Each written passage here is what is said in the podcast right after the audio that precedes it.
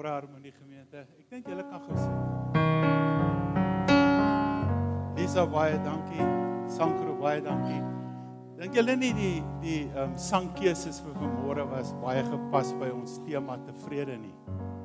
Ek dink dit het baie goed gepas. Ehm um, net voordat ek open met gebed wil ek net sê Hugo ons is so dankbaar dat jy vanoggend saam met ons is.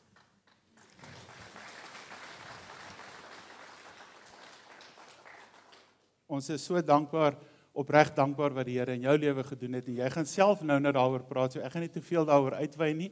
Hugo het 'n fantastiese getuienis wat die Here in sy lewe opgerig het. Is dit nie wonderlik hoe swaar tye baie keer net 'n getuienis in ons lewens word nie?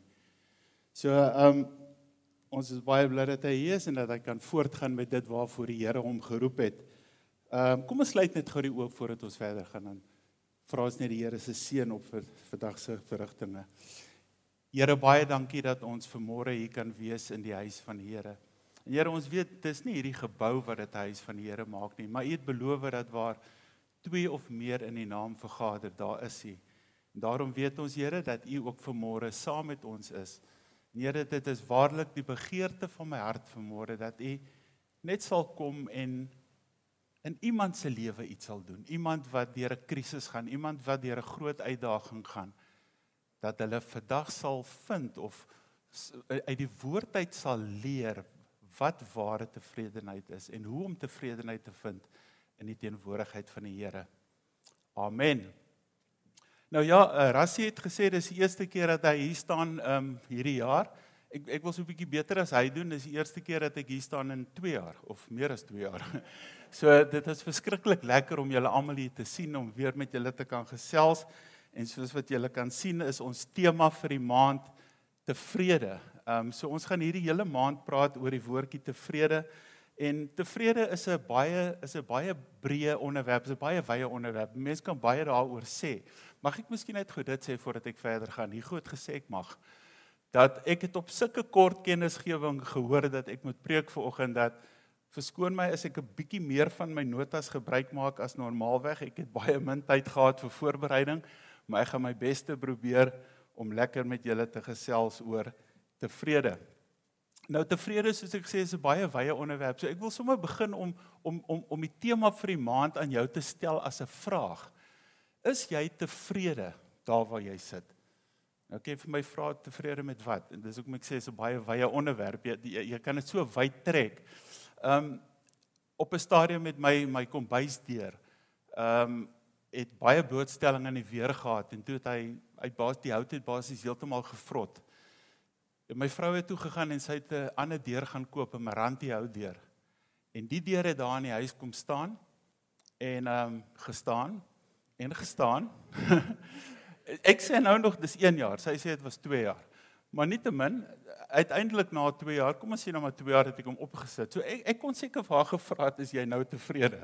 Is jy nou tevrede dat die deur uiteindelik op is?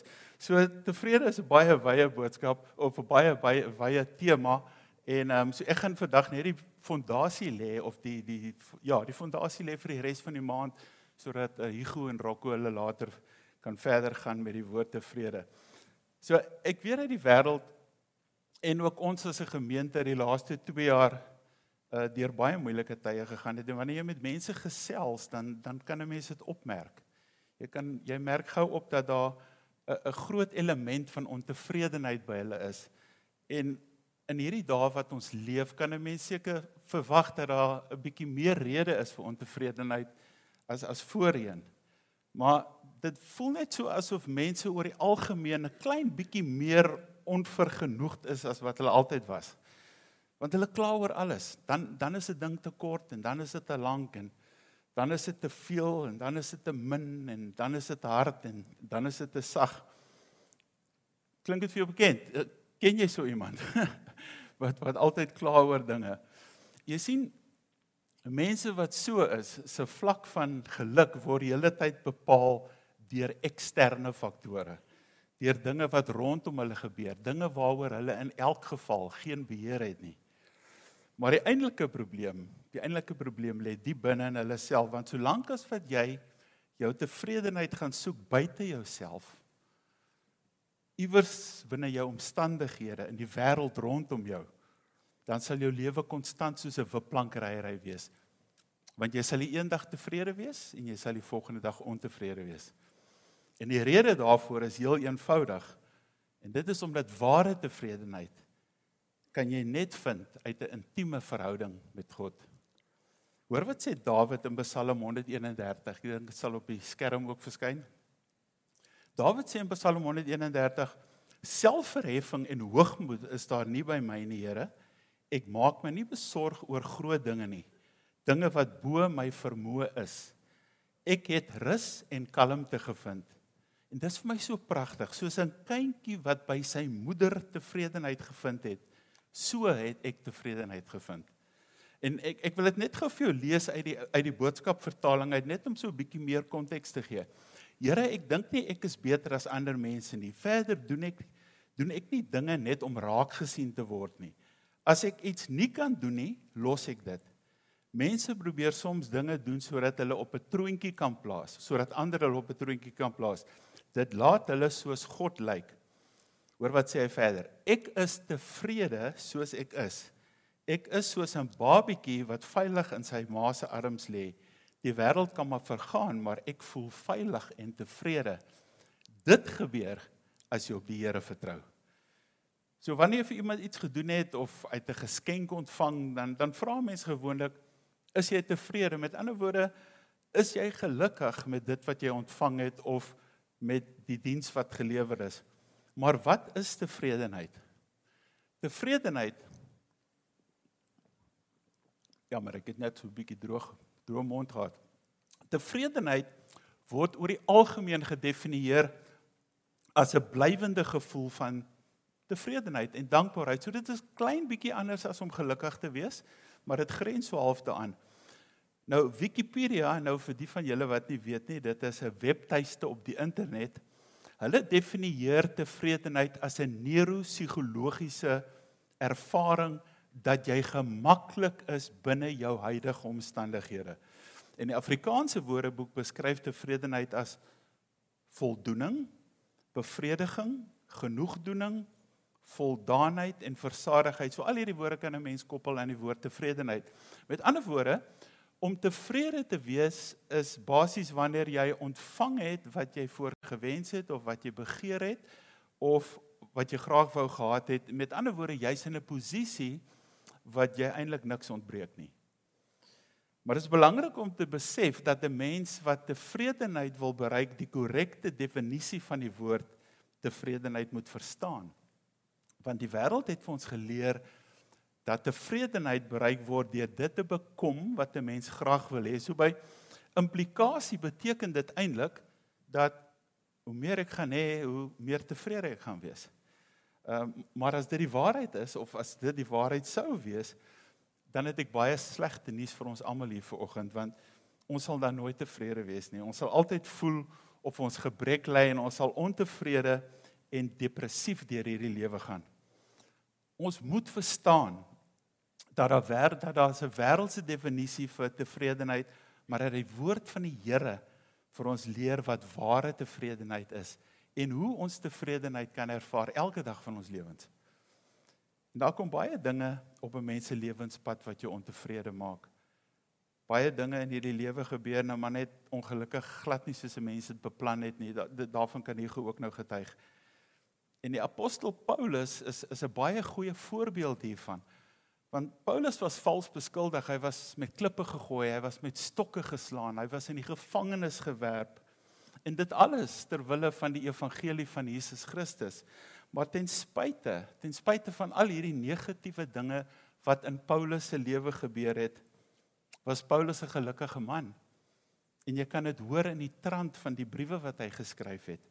Hoor wat sê Paulus in sy brief aan die Filippense in Filippense 4. Ek lees vir jou vanaf die 10de vers. Ek het my grootliks verbly in die Here dat julle nou dat julle nou eintlik weer opgeleef het om aan my belange te dink waaraan julle ook gedink het, maar julle het die geleentheid nie gehad nie. Nie dat ek dit uit gebrek sê nie, want ek het geleer om vergenoeg te wees met die omstandighede waarin ek is. Ek weet om verneder te word Ek weet ook om oorvloed te hê. In elke opsig en in alle dinge is ek onderrig om versadig te word, so sowel as om honger te ly, om oorvloed te hê, sowel as om gebrek te ly. Luister gou vers 13. Ek is tot alles in staat deur Christus wat my krag gee. En in hierdie teksgedeelte sien 'n mens so iets van van Paulus se vergenoegdheid, van van sy tevredenheid. Paulus sê basies ek weet wat armoede is en ek weet wat oorvloed is. Ek het ondervinding daarvan. Daar was daar wat ek te min kos gehad het. Daar was daar wat ek genoeg gehad het.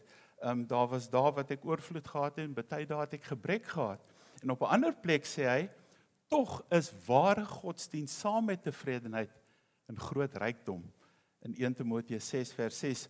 So wat was Paulus se geheim? Wat is die sleutel tot sy tevredenheid? En in ons teksvers skryf hy want ek het geleer om vergenoeg te wees met die omstandighede waarin ek is. Hoe doen 'n mens dit? Hoe leer 'n mens om in alle omstandighede tevrede te wees? Dit klink so amper onmoontlik.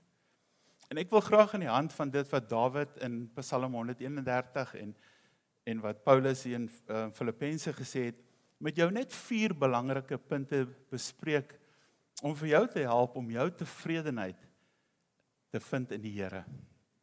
En die eerste punt wat ek wil maak is dat Jesus behoort ons enigste maatstaf te wees. En ons as mense, jy sal met my saam sê, ons is ons maar baie geneig om ons eie situasie met ander mense te vergelyk. Uh mense met wie dit volgens ons of sover as wat ons kan sien baie beter gaan as met ons. Vir ons lyk dit asof hulle meer geld het as ons, asof hulle gesonder is, dit is voorspoediger met hulle en um asof hulle meer aansien geniet. Jy het seker al die term gehoor, nee, keeping up with the Joneses. Um as die buurman 'n nuwe kar koop, dan moet jy dan moet jy jy moet jy moet ook weer nê. Nee groter ene, duurder ene. En as hy op vakansie gaan, moet jy ook met hom nog verder gaan en langer weg bly. Jy sien want ons is gedurig in 'n wedloop of in 'n kompetisie betrokke om beter te doen as ander. Toe Paulus hierdie brief aan die gemeente in Filippi geskryf het, was hy in die gevangenis in 'n tronkstel. En natuurlik kon Paulus gekla het oor sy omstandighede. Ek dink die meeste van ons sou Hy kon gekla het oor die haglike omstandighede in die tronk. Hy kon gekla het oor hoe onregverdig hy behandel is. Hoekom is hy dan nou in die tronk en nie een van die ander disippels nie? Hy kon sy omstandighede vergelyk het met baie ander mense. Maar Paulus doen nie een van hierdie dinge nie. Hoor wat sê hy? Ek het geleer om vergenoeg, met ander woorde tevrede te wees met die omstandighede waarin ek is. Nou elkeen van ons omstandighede verskil. Elkeen van ons worstel met ons eie uitdagings. En dit mag dalk vir jou voorkom of die mense na wie jy kyk, die mense met wie jy jouself vergelyk of hulle sorgeloos en gelukkig is.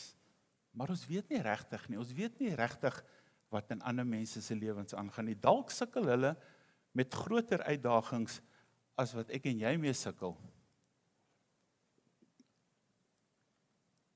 leer om nie jouself met ander mense of hulle omstandighede te vergelyk nie. Ander mense en hulle omstandighede is nie die maatstaf na tevredenheid nie. En daar is net een maatstaf en dit is die woord van God. Jesus Christus is die enigste voorbeeld wat werklik waardig is om nagevolg te word. En die woord van die Here leer ons dat Jesus na die aarde gekom het, hy het homself verneder, hy het die gestalte van 'n dienskneg aangeneem. Hy het sy disippels se voete gewas. Hy was bereid om te sterf selfs vir die wat hom uitgejou en en gespot het. En hy vra vir sy Vader om hulle te vergewe omdat hulle nie weet wat hulle doen nie. Jesus moet ons enigste maatstaf wees en ons moet ons optrede voortdurend aan sy optrede meet. Dink 'n bietjie na aan hierdie gewrigsbandjie wat so baie mense dra. Wat sal Jesus doen? What would Jesus do? Is dit ook jou lese? Gebruik jy ook vir Jesus as jou maatstaf? Die tweede punt is dat niks is vir altyd nie. Niks is vir altyd nie. Ons moet leer om aan te pas by verandering. Nou verandering in die lewe is absoluut onvermydelik. Daar's absoluut niks op hierdie aarde wat van blywende aard is nie behalwe God self. Seisoene verander, tye verander. Dink 'n bietjie aan COVID. Hoe het COVID nie gekom en ons almal se lewens verander? Die, die hele wêreld is verander en gevolglik het dit gekom tot hier by ons en nou dag is ons maar vir die 8ste keer eers weer hier by mekaar. Ehm um, wetenskap en tegnologie verander. Omstandighede verander en mense verander saam met dit. Paulus sê as jy tevrede en gelukkig wil wees, moet jy leer om aan te pas by verandering. Jou geluk in die lewe hang grootliks af van jou vermoë om aan te pas en om buigsaam te wees. Verandering is is is 'n gegewe en um en dit gaan gebeur of ek en jy nou daarvan hou of nie. En een of ander tyd gaan ek en jy met verandering in ons lewens moet deel. En soms raak verandering ons baie diep. Ehm um, soos wanneer ons 'n geliefde aan die dood moet afstaan of 'n slegte tyding van 'n jou dokter kry. Verandering kan jou lewe onomkeerbaar verander. Maar jou pad vorentoe sal bepaal word deur hoe goed jy aanpas en hoe jy die verandering hanteer. En om teen verandering te skop en weerstand te bied, gaan jy absoluut nêrens bring nie. So hoe moet 'n mens dan verandering hanteer? Onthou, onthou jy Dawid se woorde in Psalm 131? Selfverheffing en hoogmoed is daar nie by my nie, Here. Ek maak my nie besorg oor groot dinge nie, dinge wat bo my vermoë is. Dawid sê hier dat hy hom nie ophou met dinge bo sy vermoë nie. Met ander woorde, dinge waaroor hy geen beheer het nie, dinge wat hy glad nie kan verander nie. Verandering beteken ook nie dat ek en jy net moet eenvoudig boedel oorgee nie en en en dinge net moet laat gaan nie en tou opgooi nie. Die feit dat Paulus se omstandighede verander het en hy in die tronk beland het, was sekerlik vir hom ook 'n baie negatiewe ervaring gewees. Maar hy het aangepas. Hy het voortgegaan met sy lewe, hy het voortgegaan met sy bediening, hy het voortgegaan met sy sendingreise. Hy het voortgegaan om die grootste gedeelte van die Nuwe Testament te skryf. En hier uit sy tronksel uit skryf hy onder andere sy brief van blydskap aan die gemeente in Filippi. En wat 'n pragtige brief is dit nie? Maar hoe het Paulus dit reg gekry? Hoe kon hy so positief bly selfs in die gevangenis? En die geheim is dat Paulus geleer het om by sy verandering aan te pas. Maar hoe doen jy dit? En die antwoord lê in derde punt. Onthou dat jou krag kom van die Here. In vers 13 sê Paulus ek is tot alles in staat deur hom wat my die krag gee. Daar's mense wat sê ek kan nie verandering in my lewe hanteer nie. Ek kan nie by hierdie omstandighede aanpas nie. Hierdie siekte, hierdie hierdie alleenheid, my egskeiding, die omstandighede in die land, my verhouding met my kinders. Ek kan nie, dis alles net vir my te veel.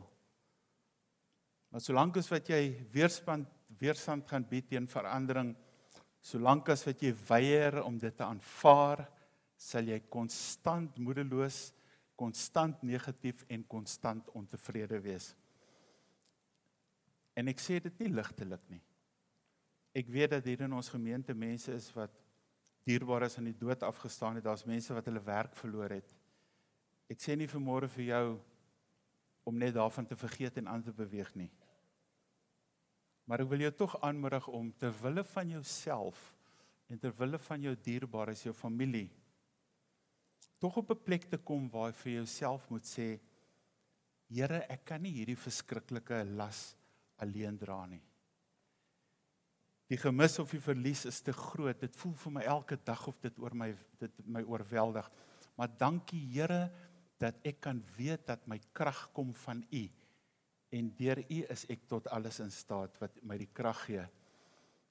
Dit is soms baie bitter moeilik om by 'n toestand aan te pas. Paulus het 'n doring in die vlees gehad. Nou die woord van die Here sê nie vir ons wat die wat die presiese aard van die doring was nie, maar ons weet dat dit hom baie moes gepla het want die want die Bybel sê hy het vir die vir die Here 3 keer gevra om dit van hom af weg te neem. En die Here sê vir hom: "My genade is genoeg vir jou, want my krag kom juis in swakheid tot volle verwesenliking. Net gebeur 'n slukkie vat. Hoor wat sê Paulus in 2 Korintiërs 12 vers 10. Onthou nou, God sê vir hom, my genade is vir jou genoeg. Hoor wat sê Paulus? Na hierdie antwoord van die Here het hierdie doring in my vel skielik die krag in my lewe geword. Ek het ontdek dat swaar kry en swakhede deel van die Here se plan met my lewe is. Van toe af kon ek self spog oor hoe swaar dit met my gaan sodat Christus die enigste kragbron van my lewe kan wees. Is dit nie pragtig nie? Kom ek lees ook gou net gefeel vinnig uit die nuwe lewende vertaling want hy sê hom ook so bietjie anders. Ek is dus tevrede met my swakhede sê hy. Beledigings, ontberings, vervolgings en benoudhede ter wille van Christus. Want wanneer ek swak is, juis dan is ek sterk. So Paulus sê hier, weet julle, ek is glad nie meer omgekrap oor my swakhede en my probleme nie. Wanneer mense my sleg sê, wanneer ek mishandel word, wanneer um ongelowiges my vervolg of wanneer ek bang of benoud is omdat ek die werk van die Here te doen is ek tevrede. Want wanneer ek swak is, is ek jy sterk. My eie swakheid leer my om net op Christus se groot krag staat te maak. En Paulus erken en hy bely dat hy hierdie doring in sy vlees wat sy lewe so versuur dat hy dit nie self kan hanteer nie. Daarom lewe hy met die Here se krag en daarom kan hy ook sê in vers 13 ek is tot alles in staat deur Christus wat my die krag gee. Die laaste punt wat ek wil maak is dat niks van bogenoemde is moontlik sonder 'n verhouding met Jesus Christus nie want ware en blywende tevredenheid kan jy net kry uit 'n intieme verhouding met Jesus Christus. Baie mense bly ongelukkig en ontevrede omdat hulle geluk soek in die wêreld. Hulle gaan van een werk na die ander, een verhouding na die ander, een stokperdjie na die ander. Wêreldse plesier. Maar die heeltyd bly hier so 'n leegheid binne in hulle. En die rede vir hierdie leegheid is omdat in elkeen van ons is daar 'n plek wat net deur Jesus Christus gevul kan word. 'n bietjie dink daaroor en jy kan probeer om enige iets in daai leemte in te sit, maar niks sal pas nie. Dis kom baie mense jaag wêreldse dinge na, die een partytjie na die ander, die een drankie na die ander, die een inspuiting na die ander en steeds voel hulle onvervuld en steeds voel hulle leeg. En jy sal nooit kan rustig word en ware vrede en tevredenheid aanvaar totdat Jesus Christus nie deel word van jou lewe nie. Maar wanneer jy hom persoonlik ken en wanneer jy 'n ontmoeting met hom gehad het, dan kan jy soos Dawid sê, ek het rus en kalmte gevind soos 'n kindjie wat by sy moeder tevredenheid gevind het, so het ek tevredenheid gevind. Die enigste manier hoe ek en jy ware tevredenheid kan ervaar is in en deur Jesus Christus deur aan Jesus vas te hou want jy sien Jesus het die dood oorwin. Hy het die sonde oorwin. Hy het die Satan oorwin, hy het die graf oorwin en daardeur het hy vir my en vir jou oorwinnaars gemaak. Maar ware tevredenheid lê in die wete dat Jesus mens geword het, aarde toe gekom het en hier aan 'n houtkruis gesterf het vir my en vir jou sodat ek en jy vry kan wees. En wanneer hierdie Jesus binne in jou woon, dan dikteer hy hoe jy gaan voel. En hy dikteer hoe jy gaan reageer. En dan sal jy tevredenheid vind in jou verhouding met hom. Psalm 37 vers 4 sê: "Verlustig jou in die Here en hy sal vir jou gee die begeertes van jou hart." Nou baie mense het nooit regtig hulle hoor die versie maar hulle het nog regtig gedink aan die betekenis nie. Om te verlustig in die Here beteken om op 'n punt in jou lewe te kom waar jy jou genot put uit jou verhouding met hom, nie uit jou mooi kar en jou duur huis en jou goeie werk nie, maar uit jou verhouding met hom, want wanneer God sien dat dit nie hierdie dinge is wat jou gelukkig maak nie, maar net jou verhouding met hom, dan kan hy vir die ander dinge gee. So elkeen van ons moet op 'n punt in ons lewe kom waar ons ons verlustig in ons verhouding met die Here Jesus Christus en dan kan hy vir ons gee die begeertes van ons hart onder andere ook tevredenheid in die lewe. Ek wil jou gou vra, is jy tevrede met jou lewe vanoggend? Is jy tevrede oor jou geloofsekerheid? Is jy tevrede dat jy regtig vir Jesus persoonlik ken? En is jy tevrede dat as hy besluit om jou nou toe kom haal dat jy gereed sal wees? Want slegs wanneer ons oorgee aan Jesus en jy jou plek in die koninkryk vind deur waarlik wedergebore te word, dan sal jy leer om in volkomme afhanklikheid voor hom te lewe en dan volg rustigheid en tevredenheid en dan kan jy ook soos Dawid sê soos 'n kindjie wat by sy moeder tevredenheid gevind het, so het ek by u tevredenheid gevind. Kom ons sluit die oë en bid gesaam. Here Jesus, baie dankie dat ons vanmôre kan weet dat ons kan tevredenheid vind, maar net in U. Uit ons eie uit, Here, sal ons dit nooit bereik nie. Ons sal stwee en beklei en sukkel vir die res van ons lewens totdat ons op die punt kom Here waar ons net absoluut oorgee aan U. En dan kan ons weet dat deur U krag, deur U krag Here kan ons op die punt kom waar ons tevredenheid soos Paulus en Dawid in U teenwoordigheid kan ervaar.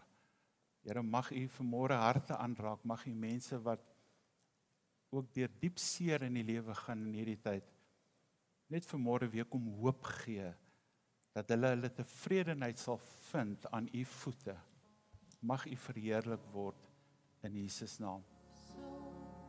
Holy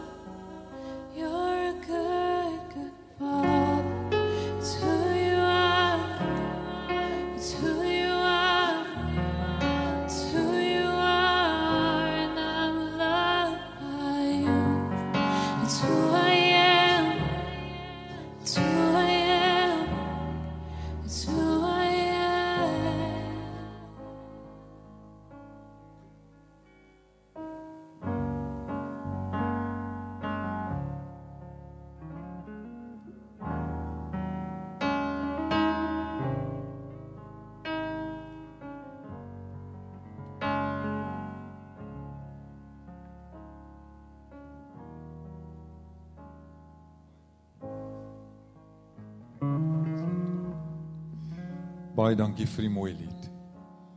Um, my hele wese ervaar ek vanmôre so deur die Heilige Gees hoe die Here net vir 'n paar mense, vir ons almal, maar dalk vir jou spesifiek wil kom sê hoe lief hy jou het.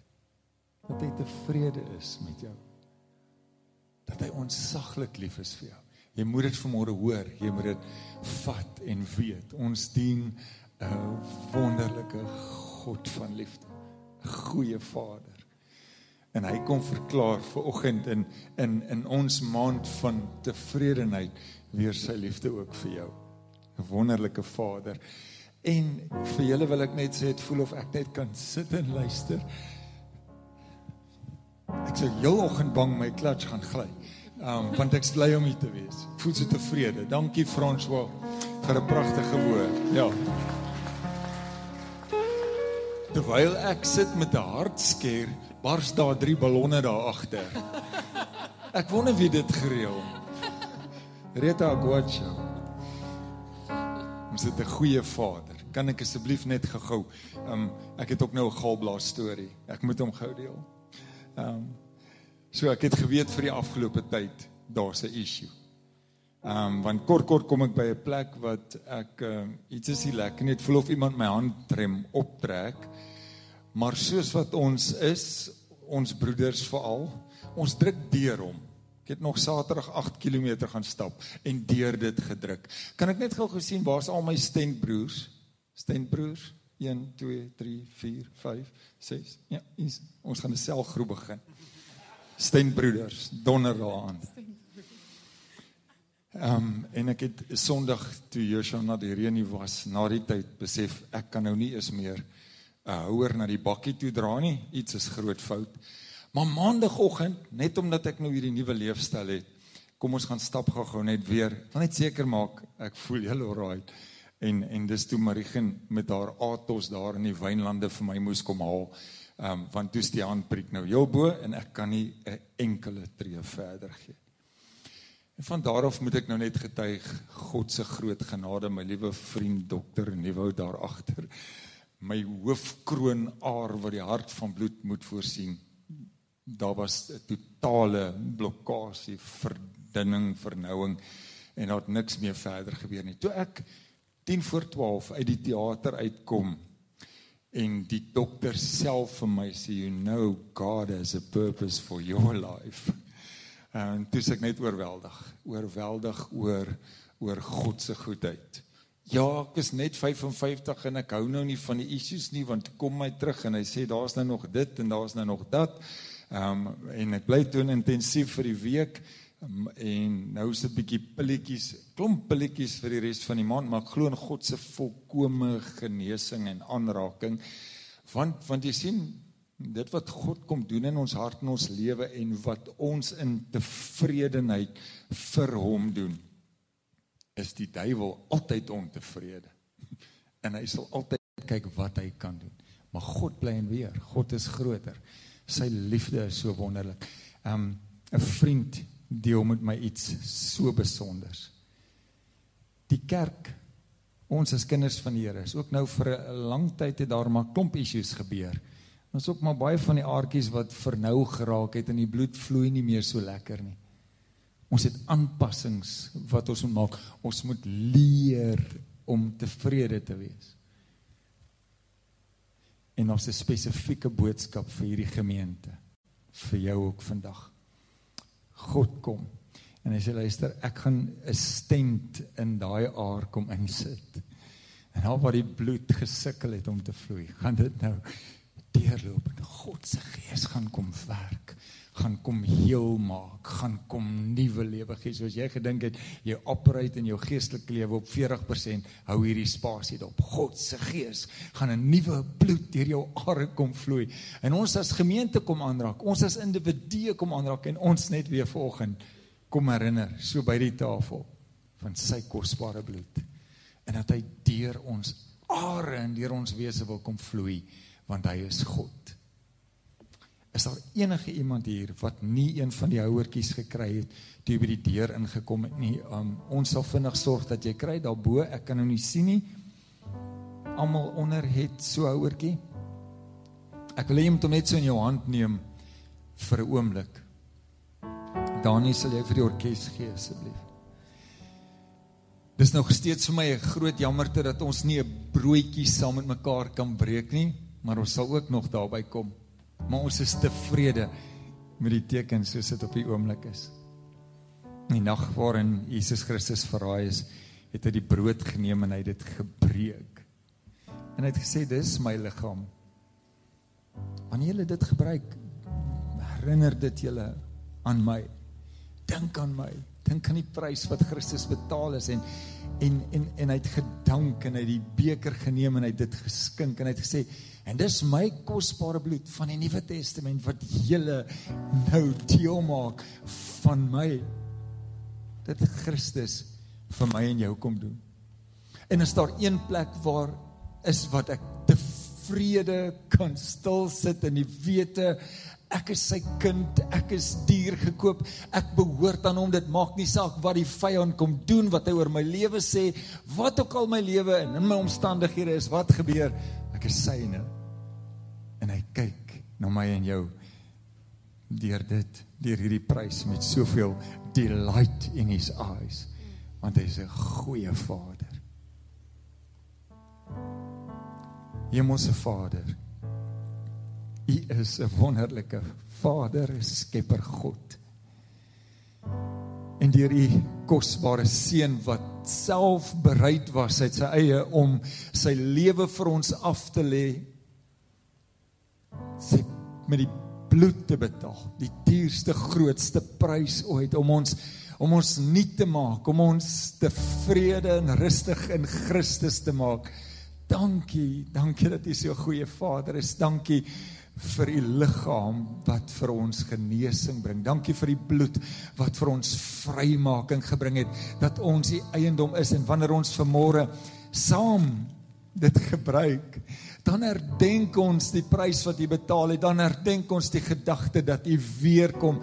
Ja, hierdie pad is net tydelik. Hierdie wêreld is net tydelik. Ons is net tydelik hier, maar ons het by U 'n ewige woning.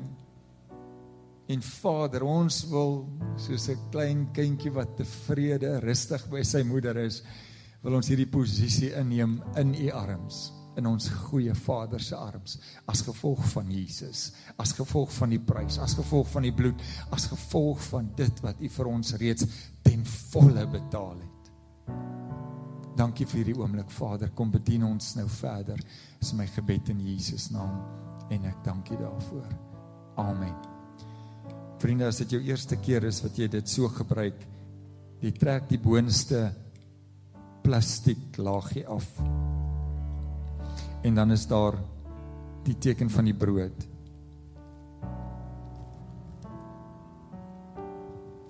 Jesus se liggaam wat vir my en jou gebreek het. Hierdie is net 'n teken. Maar wat werklik gebeur is dat Christus nou deel word van my. Kom ons gebruik dit saam. En ons dink aan Christus, aan ons goeie Vader.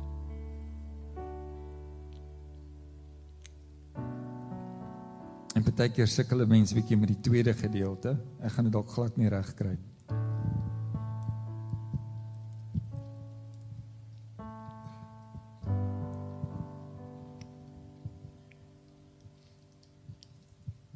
Sy kosbare bloed.